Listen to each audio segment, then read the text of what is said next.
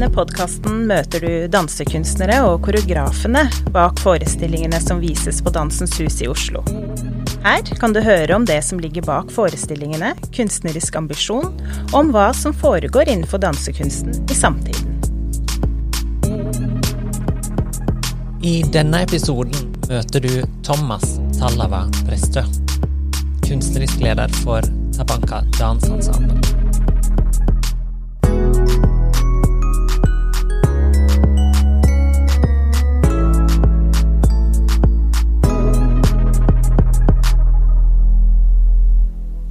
I denne episoden møter jeg Thomas Tallava Prestø. Han er kunstnerisk leder for Tabanka Dance Ensemble, som snart er aktuelle med forestillinga Jazz Ain't Nothing But Soul. Tabanka Dance Ensemble var første norske dansekompani som spesialiserte seg på dans med opphav i afrikanske og karibiske tradisjoner. De færreste norske kompanier har en lignende forestillingsagenda, både når det kommer til antall forestillinger og internasjonalt nedslagsfelt.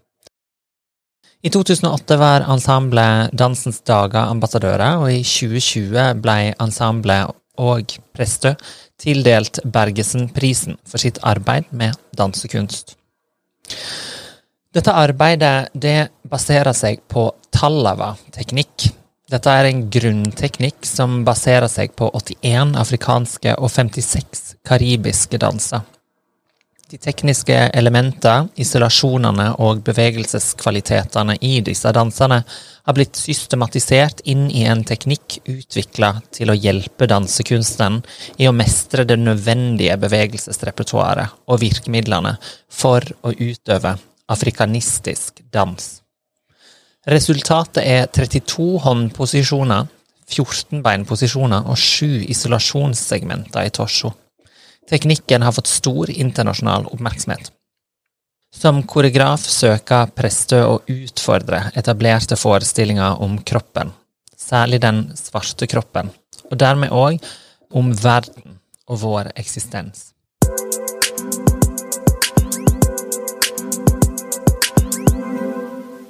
Hva handler Jazz Ain't Nothing But Soul om? Og den handler om utrolig mye, men den handler på mange måter om the soul of black people, holdt jeg på å si, for å bruke en litterær referanse, men litt sånn Den handler om besjelingen, altså den besjelingen som fins i våre praksiser. Den handler om roten. Eh, vi var veldig opptatt egentlig om det rommet vi lagde, og da mener vi det rommet for oss. Selve skapelsesprosessen. Hvordan skapte vi dette her?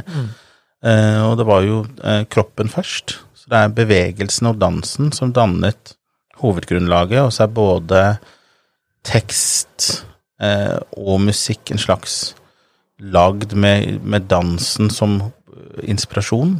Eller med, med, kroppen, vil jeg si, mer enn dansen, for det handler også om eh, våre perspektiver, hvordan det var å stå i Black Lives Matter, i, i, hvordan det var å stå i pandemien, mm.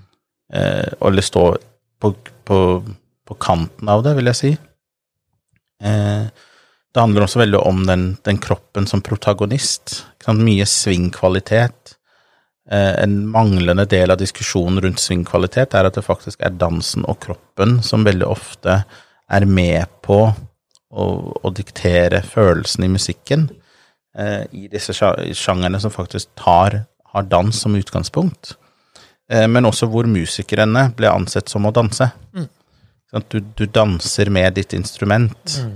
Eh, det, det, å spille et instrument, det å synge og det å danse blir ikke nødvendigvis sett på som helt separate handlinger. Eh, så vi jobber også egentlig litt med det, hvordan disse tilsynelatende tre ulike ståstedene drar i hverandre. Mm og blander seg og trekker fra hverandre. Den forhandlingen som det er. Mm. Eh, det er liksom sånn Nå prøver jeg liksom kort forklare en ganske kompleks mm. prosess, mm. Eh, men som handler litt om å gå liksom tilbake igjen til roten. Det, den, den prosessen for skapelse mm. som egentlig ligger i sjangeren. Ja. Og kjernen av hva er også den afrikanske arven. Hvor henter du materialet fra her til denne forestillinga? Fra våre egne liv, ja. egentlig. Så som sagt, eh, flere av oss som var i skapelsesprosessen, Sidiki Kamara på perkusjon, eh, og som rytmisk komposør. Eh, Monica Fijilika som låtskriver eh, og komponist, og jeg som koreograf, var i veldig mange dialoger om eh, samfunnet, hvordan vi er. Eh, dette var utvida til danserne og alle de altså lokalsamfunnene som vi, opp, som vi er del av også. Om hvor eh, kroppspolitikk og, og vanlig politikk og ting som foregikk i verden, som igjen dannet en slags grunnlag for hvordan vi beveger oss, og hvordan vi synger rundt det, og hvordan det igjen rytmisk forplanter seg eh, i dialogen. Um, så jeg vil på en måte si at livene våre er det som danner utgangspunktet, mer enn tradisjon eller noe som helst sånn, for de som ville tro at det er egentlig en slags gjengivelse av en tradisjon som vi er opptatt av.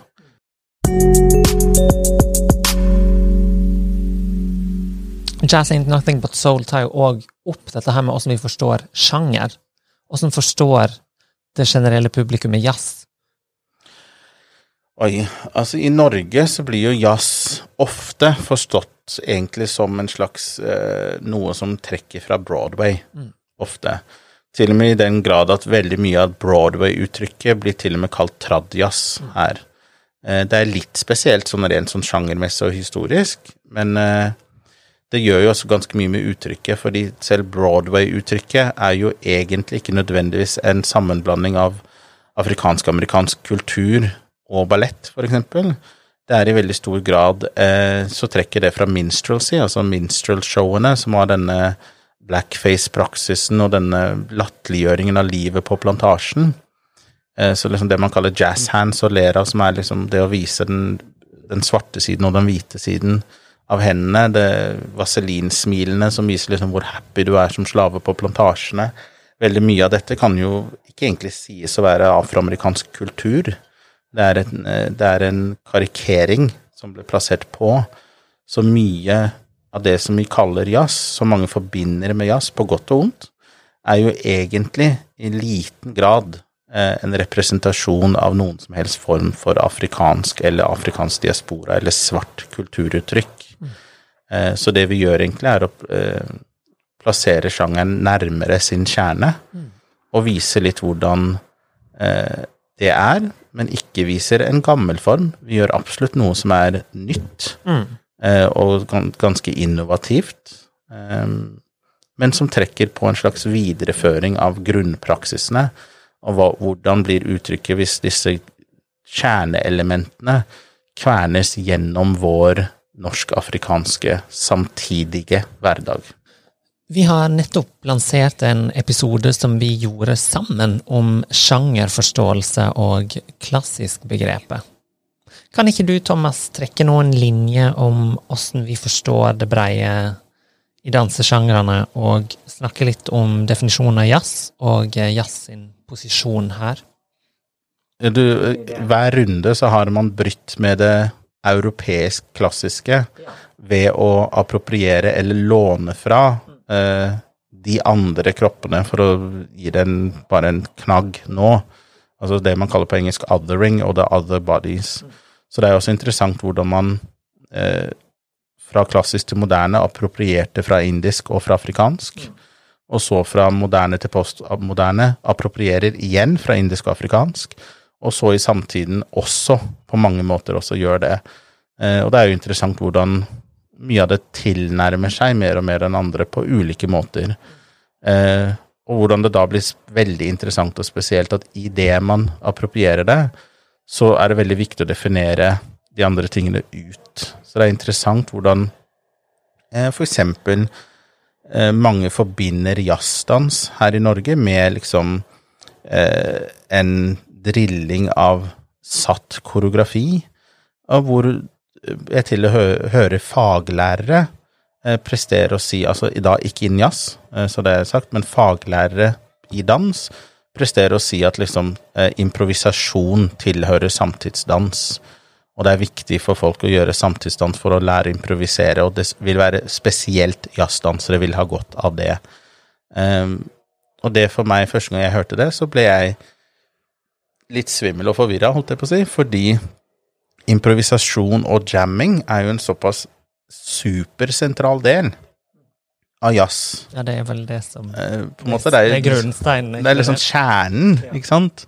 Og spesielt den afrikanske roten er den egentlig eh, forhandlingen av relasjon, som både jamming og improvisasjon er i vår tradisjon mer, for å faktisk gi det den intelligensen det har.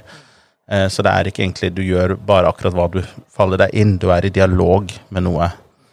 Eh, men eh, det er veldig interessant å se hvordan eh, fakta eh, hele tiden kan gjøres om, eh, fordi man egentlig baler med å definere seg selv. Det er, en, det er et selvbilde som blir konstruert her. Og jeg kunne ønske at det kunne bli innrømmet i litt større grad.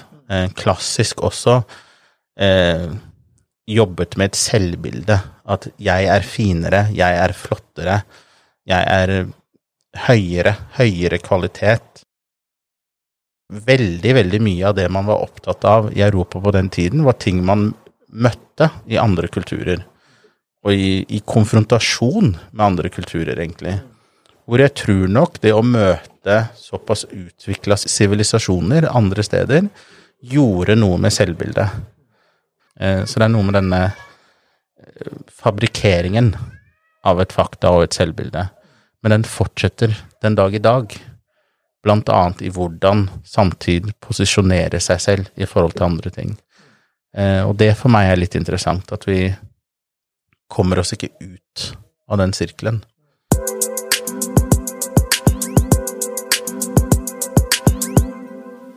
Hvor er Tabanka Dansensemble i 2022? Fortell litt om om utviklinga av kompaniet, og hvor dere står i verden i dag. Og ditt arbeid, Thomas. Eh, Jeg vil jo si at vi står um, på ulendt terreng. Men det gjør hele dansefeltet. Altså 40% av det norske dansefeltet har jo falt vekk. Eh, og det sier seg selv at det gjør det ikke nødvendigvis noe lettere for minoritetene innenfor et felt som allerede er et minoritetsfelt, sånn bare kunstmessig og enda mer. Eh, pandemien gjør mye med økonomi, med trygghet, med fremtidsperspektiver. Eh, hvem som får sceneplass, hvor lite sceneplass det er i de neste to årene, fordi så mye av det som ikke har blitt vist, skal vises. Så hele feltet ligger en slags bak seg selv. Eh, Så alle disse tingene sammen, samtidig som vi også står overfor et slags generasjonsskifte. Eh, For det er jo flere av de som er med i Tabanka, har jo holdt på i Tabanka i nesten 18 år. Eh, Og 18 år som ganske marginalisert, egentlig. Eh, Vi har hatt en De siste åtte årene cirka, så har vi hatt en ganske høy synlighet. Eh, Men denne synligheten er ikke nødvendigvis det samme som økonomisk støtte. Det er det mange som ikke eh, helt har fått med seg hvor mye selvfinansiert vi er. Eh, Men det er også noe med idet man får barn, i det sånne andre ting, og det er en, dette er en utfordring på hele kunstfeltet også, så jeg sier ikke at det er noe unikt. Jeg sier bare at når du jobber i en marginalisert sjanger, og noe som ikke er like institusjonalisert, og i tillegg har en del ekstra utfordringer i forbindelse med det, så blir det ikke nødvendigvis lettere. Um, som er interessant. Men i en normal prosess så har jo vi ganske mange prosesser for eh, utdanning av neste generasjon osv. Under pandemien så var dette vanskelig stilt. Så nå navigerer vi et generasjonsskifte etter eh, en pandemi. Det er på en måte der vi står med all deres kompleksitet, i et felt som står eh, kanskje med det samme. Så jeg vil også si at under og etter pandemien så har det kanskje vært mer likestilt mellom oss og mange andre. Eh, Vi var veldig heldige i det at vi hadde fått støtte, faktisk, til en produksjon rett før pandemien. Jeg vet at hvis vi ikke hadde hatt den, så hadde vi nesten garantert ikke overlevd. Eh, Og det tror jeg også har vært tilfellet for veldig mange andre. Det var en veldig stor forskjell mellom de som hadde noe støtte i bånn, som kunne omdisponeres osv., osv., og de som var så uheldige at de hadde kanskje stått over den runden, eller fått avslag den runden, som da gikk inn i pandemien uten noe som helst. Eh, og så har vi også et ganske robust uttrykk, som eh, Noen uttrykk er en slags avhengig av en indefinering og en eksistens i det høykulturelle, eller det som defineres som det, mens vi kommer fra en sjanger som ikke har det som utgangspunkt, og også har som sagt så stor grad av eh, selvfinansiering og autonomi, nesten, på noen former i hvordan vi utøver, som gjør det mulig for oss å tilpasse oss i større grad enn de som f.eks. er avhengig av en plass på en offisiell scene for å kunne definere seg selv som dansekunstner i sin sjanger, f.eks. Eh, Så det er også ting som man har reflektert over. Og at vårt uttrykk det tåler ingen lys, ingen teknikk, ingen scene. Det oversettes til kamera relativt bra fordi det er skapt for å bli sett fra mange vinkler. Det er rytmisk, det er karismatisk, ekstrovert. I veldig mange av deres former. Eh, jeg vil ikke si at det er hele sjangeren. Vi har også veldig mange subtile nivåer, men de aller fleste som utøver i vår sjanger, kan også utøve en veldig ekstrovert form. Som kanskje har hjulpet med en slags tilstedeværelse under pandemien. La. Dansens Hus podkast er en inhouse-produksjon laget av formidlingskonsulent Jonas Øren. Musikken er skapt av Bassmo Beats, og mitt navn er CC Kolstad.